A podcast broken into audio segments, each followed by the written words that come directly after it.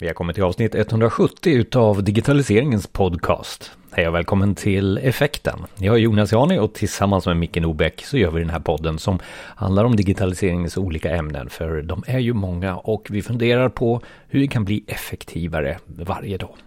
Vi finns där på effekten.se och tipsa oss som vanligt om nästa gäst. Info effekten.se kan du då mejla. Info effekten.se. Mycket tacksamma för alla tips och feedback också på podden. Podden som finns i de flesta podcastkatalogerna som till exempel Spotify och Apple Podcasts så starta gärna en prenumeration. Vi har haft eh, en serie utav avsnitt handlandes om säkerhet titta in i listan där för du får en överblick av eh, cybersäkerhet och du fick också en, eh, ett avsnitt om riskhantering. Och nu eh, ramlar vi in i Torbjörn Anderssons serie med säkerhet då igen. Och nu går vi lite djupare. Om du håller på med systemutveckling så kanske du har hört talas om DevSecOps. Det pratar vi om nu.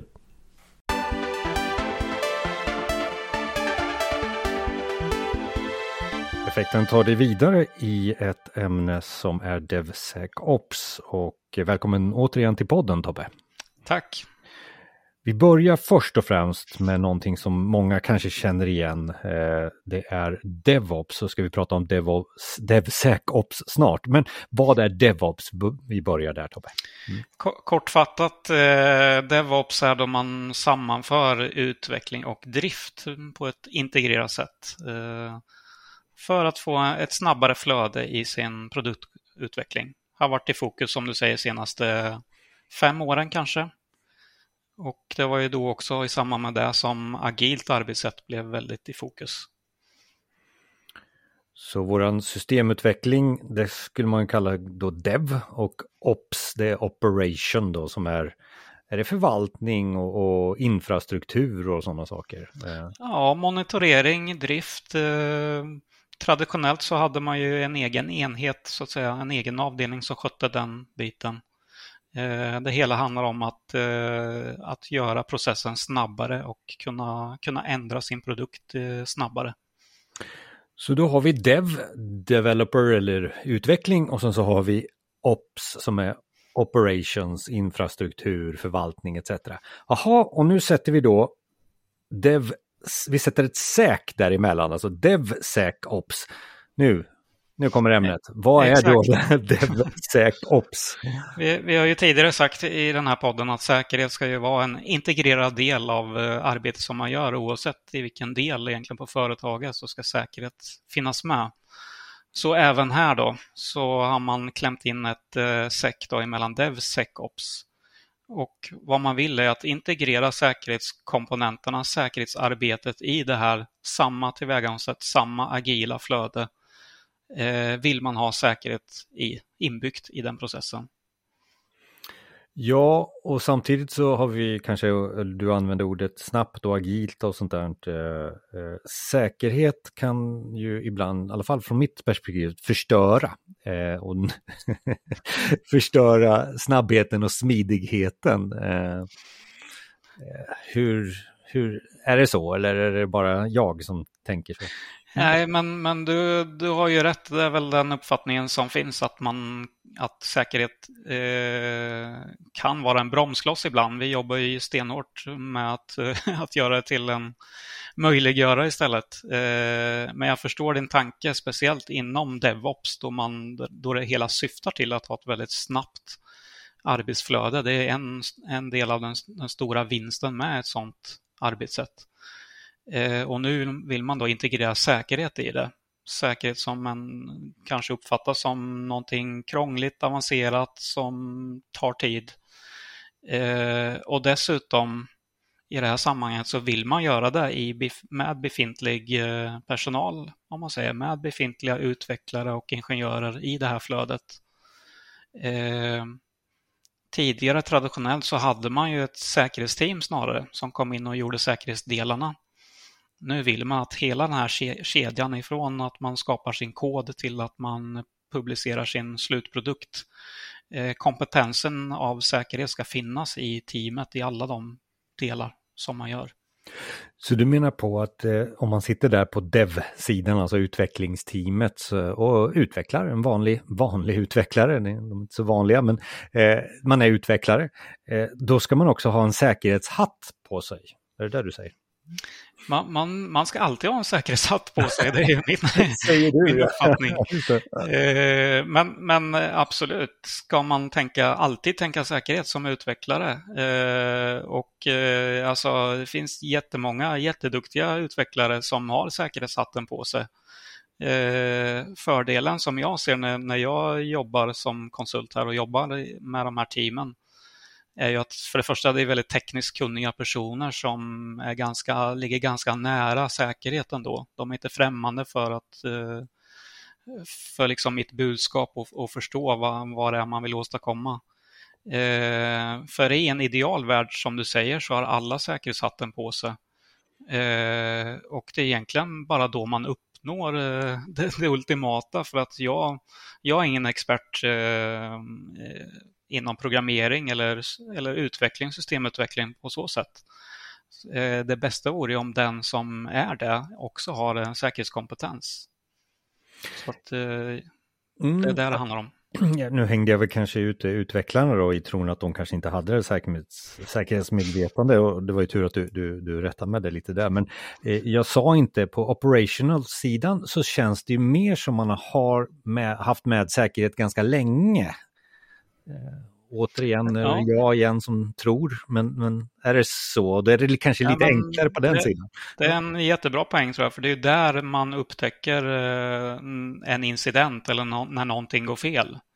Så att där har du helt rätt, att det är då i monitorering och eh, den dagliga driften, det är då det uppkommer en incident eller man upptäcker en sårbarhet Eh, och sen då, innan det här agila arbetssättet började, så då blev det en incident och sen blev det en kedja kring det och sen någon gång där så kom det tillbaks till utvecklaren att man behöver justera någonting. Hela poängen här är att man ska få den feedbacken direkt. Och en del kanske känner så här att vi har ju nyss börjat med DevOps och fått igång en snurra där, där vi får den här snabbheten och liknande. Och ja, nu kommer DevSecOps. Så varför nu detta fokus på DevSecOps? Det, det, det, är ett naturligt steg skulle jag säga ifrån DevOps. Eh, om det är så att man har kommit igång med det och har ett arbetssätt och ett arbetsflöde i det. Eh, jag menar, då måste man ju också ha säkerhet i det. Så det finns ju ett säkerhetskrav och det är väl det som har gjort sig påmint med. Och eh, som vi har nämnt tidigare i podden att eh, just snabbheten i sig eh, kan ju innebära att man eh, öppnar upp för sårbarheter i sitt, sitt, sin produkt. Eh, så att det känns naturligt att få med säkerhet också integrerat i det här. Och sen så den snabbheten har ju gjort att cloud har kommit in också och eh, det är väl också lite utmaningar säkerhetsmässigt antar jag. Mm. Exakt, det är, en, det är en faktor också. Eh, att, jag menar, vi är i cloud idag och vi gör även DevOps i cloud. Och eh, om man tittar på de eh, cloud-leverantörerna idag så har ju de eh, förberett så att säga för att kunna även ha DevSecOps i, sina, eh, i sitt flöde. Så att det, det finns, eh, det finns metoder att jobba vidare på där. Det, fin det, finns metoder, det finns produkter till och med som man stoppar in alltså i sitt eh, leveransflöde. Ja, eh, beroende på tillverkare eller om, om det är Microsoft eller AWS till exempel så har man ju, de skiljer sig lite åt ändå de olika plattformarna. Eh, men båda tar ju upp det här med DevSecOps eh, och har sin, sina funktioner för det. Men nu blev det ju väldigt enkelt igen då. Uh, då stoppar vi bara in en liten programvara här i, i, uh, i våran process så var det klart. ja, ja, de löser absolut inte allt utan det jag pratar nu är mer att, att de hjälper dig att få in säkerhet i flödet. Uh, sen finns det en mängd produkter och fristående produkter eller integrerade produkter som passar in i, i din DevSecOps-kedja. Men jag förstår ju, det finns ju utmaningar här. Så det, utmaningarna med DevSecOps kanske är rätt många och du har kanske en tanke om detta. Ja, och det var lite som du var inne på förut det här med att man, man sammanför då eh, utveckling och drift och operations. Att nu är det ju ändå utvecklarna som eh, på något sätt ska vara mer delaktiga i, eh, i säkerheten och vad som händer. Ehm, så att man måste få på dem den här hatten eh, du nämnde förut, att de har säkerhetshatten. Ehm, och det kan gå, baks till, gå tillbaka till vilken kultur man har på företaget, vilken säkerhetsmognad man har. Ehm, jag skulle vilja säga att, att eh, kultur är bland det viktigaste att fokusera här på något sätt, för det handlar om att förändra arbetssättet till viss del. Eh, att man som utvecklare och ingenjör inser att säkerhet är faktiskt eh, mitt område också. Jag måste ta ansvar för det jag producerar, att det är säkert. Ehm, och det, det kan vara en eh, sak som tidigare kanske har prioriteras prioriterats ner till, för, till förmån från att producera saker snabbt eller någonting annat. Ja, det, det, det är kul att du nämner just det där med kultur som, som i alla sammanhang när det gäller agil systemutveckling, i min erfarenhet i alla fall, är en utmaning. Eh, kan du ge ett exempel där lite mer konkret? Alltså eh, en utvecklare sitter där och säger ja, nej. Eh, jag sitter med armarna kors och säger nej, jag kan inte, du kan inte förvänta dig att jag även ska ta hänsyn till säkerhet. Är det, är det en, en kulturfråga till exempel? Eller? Eh, ja, det, hela det där måste diskuteras och eh, även ansvarsfrågan brukar komma upp i det också. Det är något vi diskuterar mycket i sådana här projekt att eh, ja, men jag som utvecklare, är det jag som blir ansvarig nu då liksom, eller kommer jag få hela skulden? Eller liksom vad kommer att hända med den? Förut hade man, som jag sa, kanske ett säkerhetsteam som jobbade mer med kontroll och liksom testade på ett annat sätt. Nu är det jag själv som till stor del måste testa min egen produkt och det jag gör. Eh, så det är viktigt att vara tydlig med ansvarsfrågan i det. Alltså bara ha tydliga roller, det är det det handlar om. Så att man förstår att, eh, hur det ser ut. Eh, mer utmaningar? Mer utmaningar, ja. Men någonting som ändå, jag brukar säga att det är ändå ansvarsfrågan inom säkerhet är jätteviktig. Eh, och, och ju förr man tar reda på hur det egentligen ligger till, desto bättre för alla inblandade. Det behöver inte vara någonting eh, otäckt på så sätt. Nu när vi har pratat om utmaningarna med DevSecOps så, så hamnar vi väldigt mycket på development-delen, dev-delen. Eh, vad finns det för utmaningar på ops-sidan då eh, i det här också? Eh, ja, det handlar ju om att fida tillbaks eh, eh, skicka tillbaka den information som händer i din driftsmiljö eh, så snabbt som möjligt till eh, utveckling och kunna ta rätt beslut av det som eh, händer, det du monitorerar eh, och kunna göra snabba förändringar. Då. I ett agilt arbetssätt så handlar det mycket om att göra mindre förändringar fast, fast eh, oftare.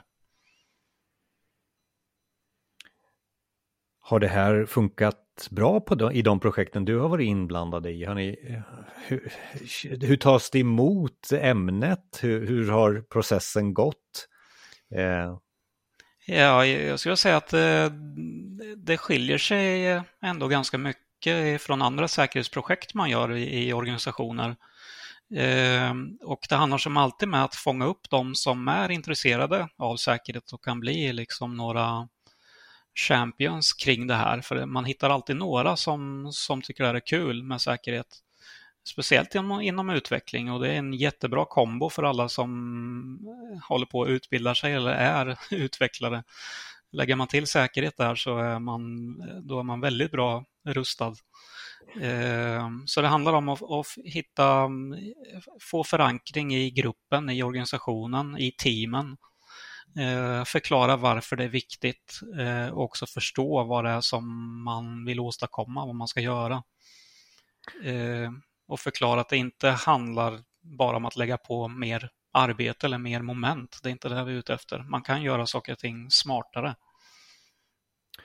Samtidigt så när, du, när vi sitter här och pratar om det så känns det också som att det är en väldigt, väldigt stor del förändringsledning i arbetet med Eh, DevSecOps. det är inte så mycket verktyg eh, och metoder utan det är mera att få hela snurran att förändra beteendet. Hela snurran ska vara med, men jag skulle säga att det är som, som vi brukar prata om, det är people, process and technology. Det är de tre komponenterna även här.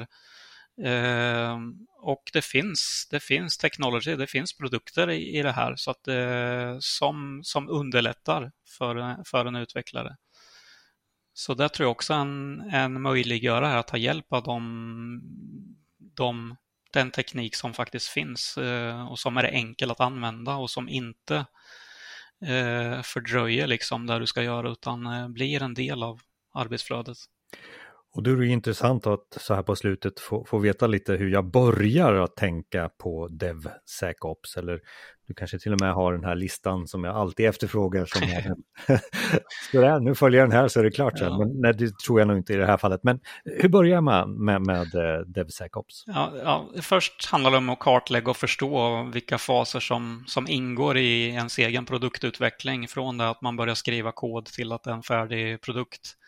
Eh, och beroende på organisation så kan ju det se väldigt komplext ut. Eh, det kanske är ett flöde som få på företaget har egentligen vetskap om alla de faserna. Men försök att få ner det där, hur den ser ut. Eh, och, och, nummer två skulle ju vara att, att förstå vilka säkerhetskrav som faktiskt ställs på det jag producerar.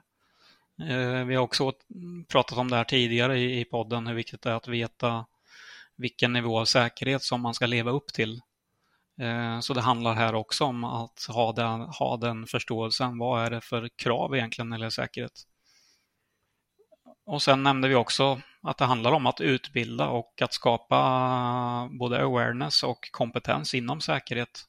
Om det här är någonting som ska ske i det befintliga, eh, befintliga flödet idag, eh, befintliga arbetssättet och ta hjälp av produkter som finns på marknaden kring det för att snabba upp processen. Det, det finns på marknaden att ta hjälp till att, att integrera beroende på hur ditt flöde ser ut. Så, så ta hjälp av det som finns. Observera återigen i din lista här det här med att eh, eh, titta på vad det är du ska skydda, kan man kalla det också. Alltså, mm. Vad är det vi ska skydda? Är det en Fort Knox vi ska, ska mm. skydda? Eh, någon guldreserv eller är det bara ja, det här och det här. Alltså, mm. Det är väl det som avgör nivån och vi har ju haft ett avsnitt om riskhantering här också, det är väl samma. I, I det här sammanhanget ägnar man sig åt threat modeling då, att liksom förstå sin hotbild eh, mot det man, där man utvecklar. Eh, och det finns olika modeller och metoder för det, men, men det är ju motsvarigheten till att göra en riskanalys inom något annat avseende i din organisation. Eh, och den är jätteviktig som sagt eh, för att förstå vad det, är, vad det är man ska skydda och var sårbarheterna finns. Och sen så pratar du om verktyg. Är det några, alltså vi som, som jobbar i Microsoft och så där, har Microsoft en sån där programvara som jag bara sticker in där i, i, i min pipeline, i min eh, eh utvecklingsprocess och sen så scannar den kod och säger så här, nej men det här var dålig kod. Är det, är jag ute och, och svamlar nu? Eller finns det sådana? eh, ja, beroende på vilken leverantör du har, om det är Microsoft eller AWS eller, eller vad det kan vara, så finns det olika funktioner för det.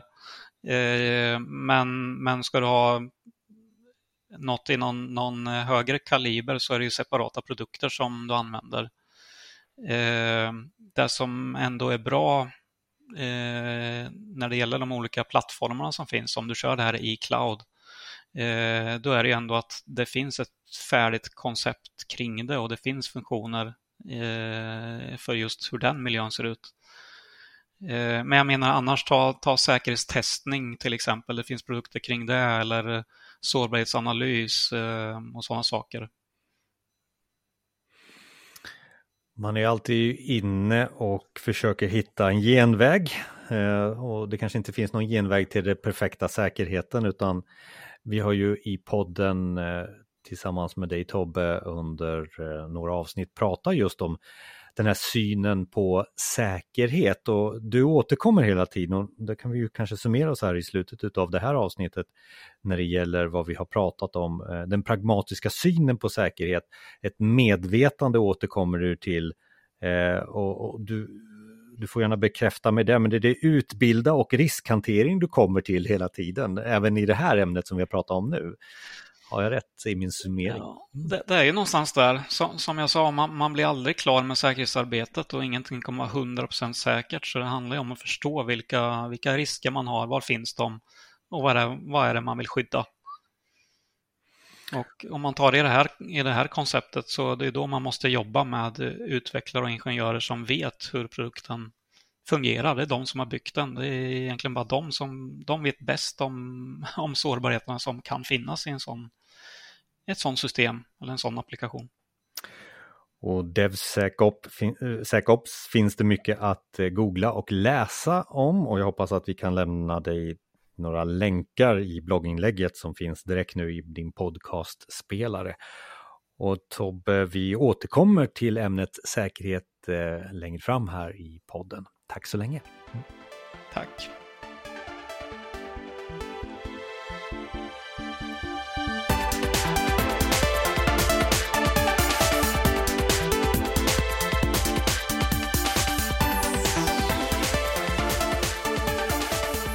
Mer som sagt var på effekten.se. Tack för att du lyssnar och tack för att du även går in på effekten.se för att starta en prenumeration och även lyssna kanske på Effekten Radio. Vi tar våra bästa avsnitt och andras avsnitt som, handlade, som handlar om just digitalisering och så kör vi det 24 timmar om dygnet för dig. Alltså effekten live radio helt enkelt på effekten.se radio.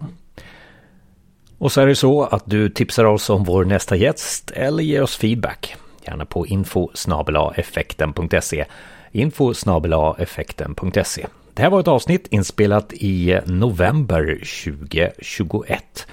Och ta gärna kontakt med mig, Jonas Jani, eller Micke Nobäck. Vi finns bland annat på sajten och den där mejlen info effekten.se eller direkt eh, till våra profiler i LinkedIn. Ha det nu så bra, så hörs vi nästa gång.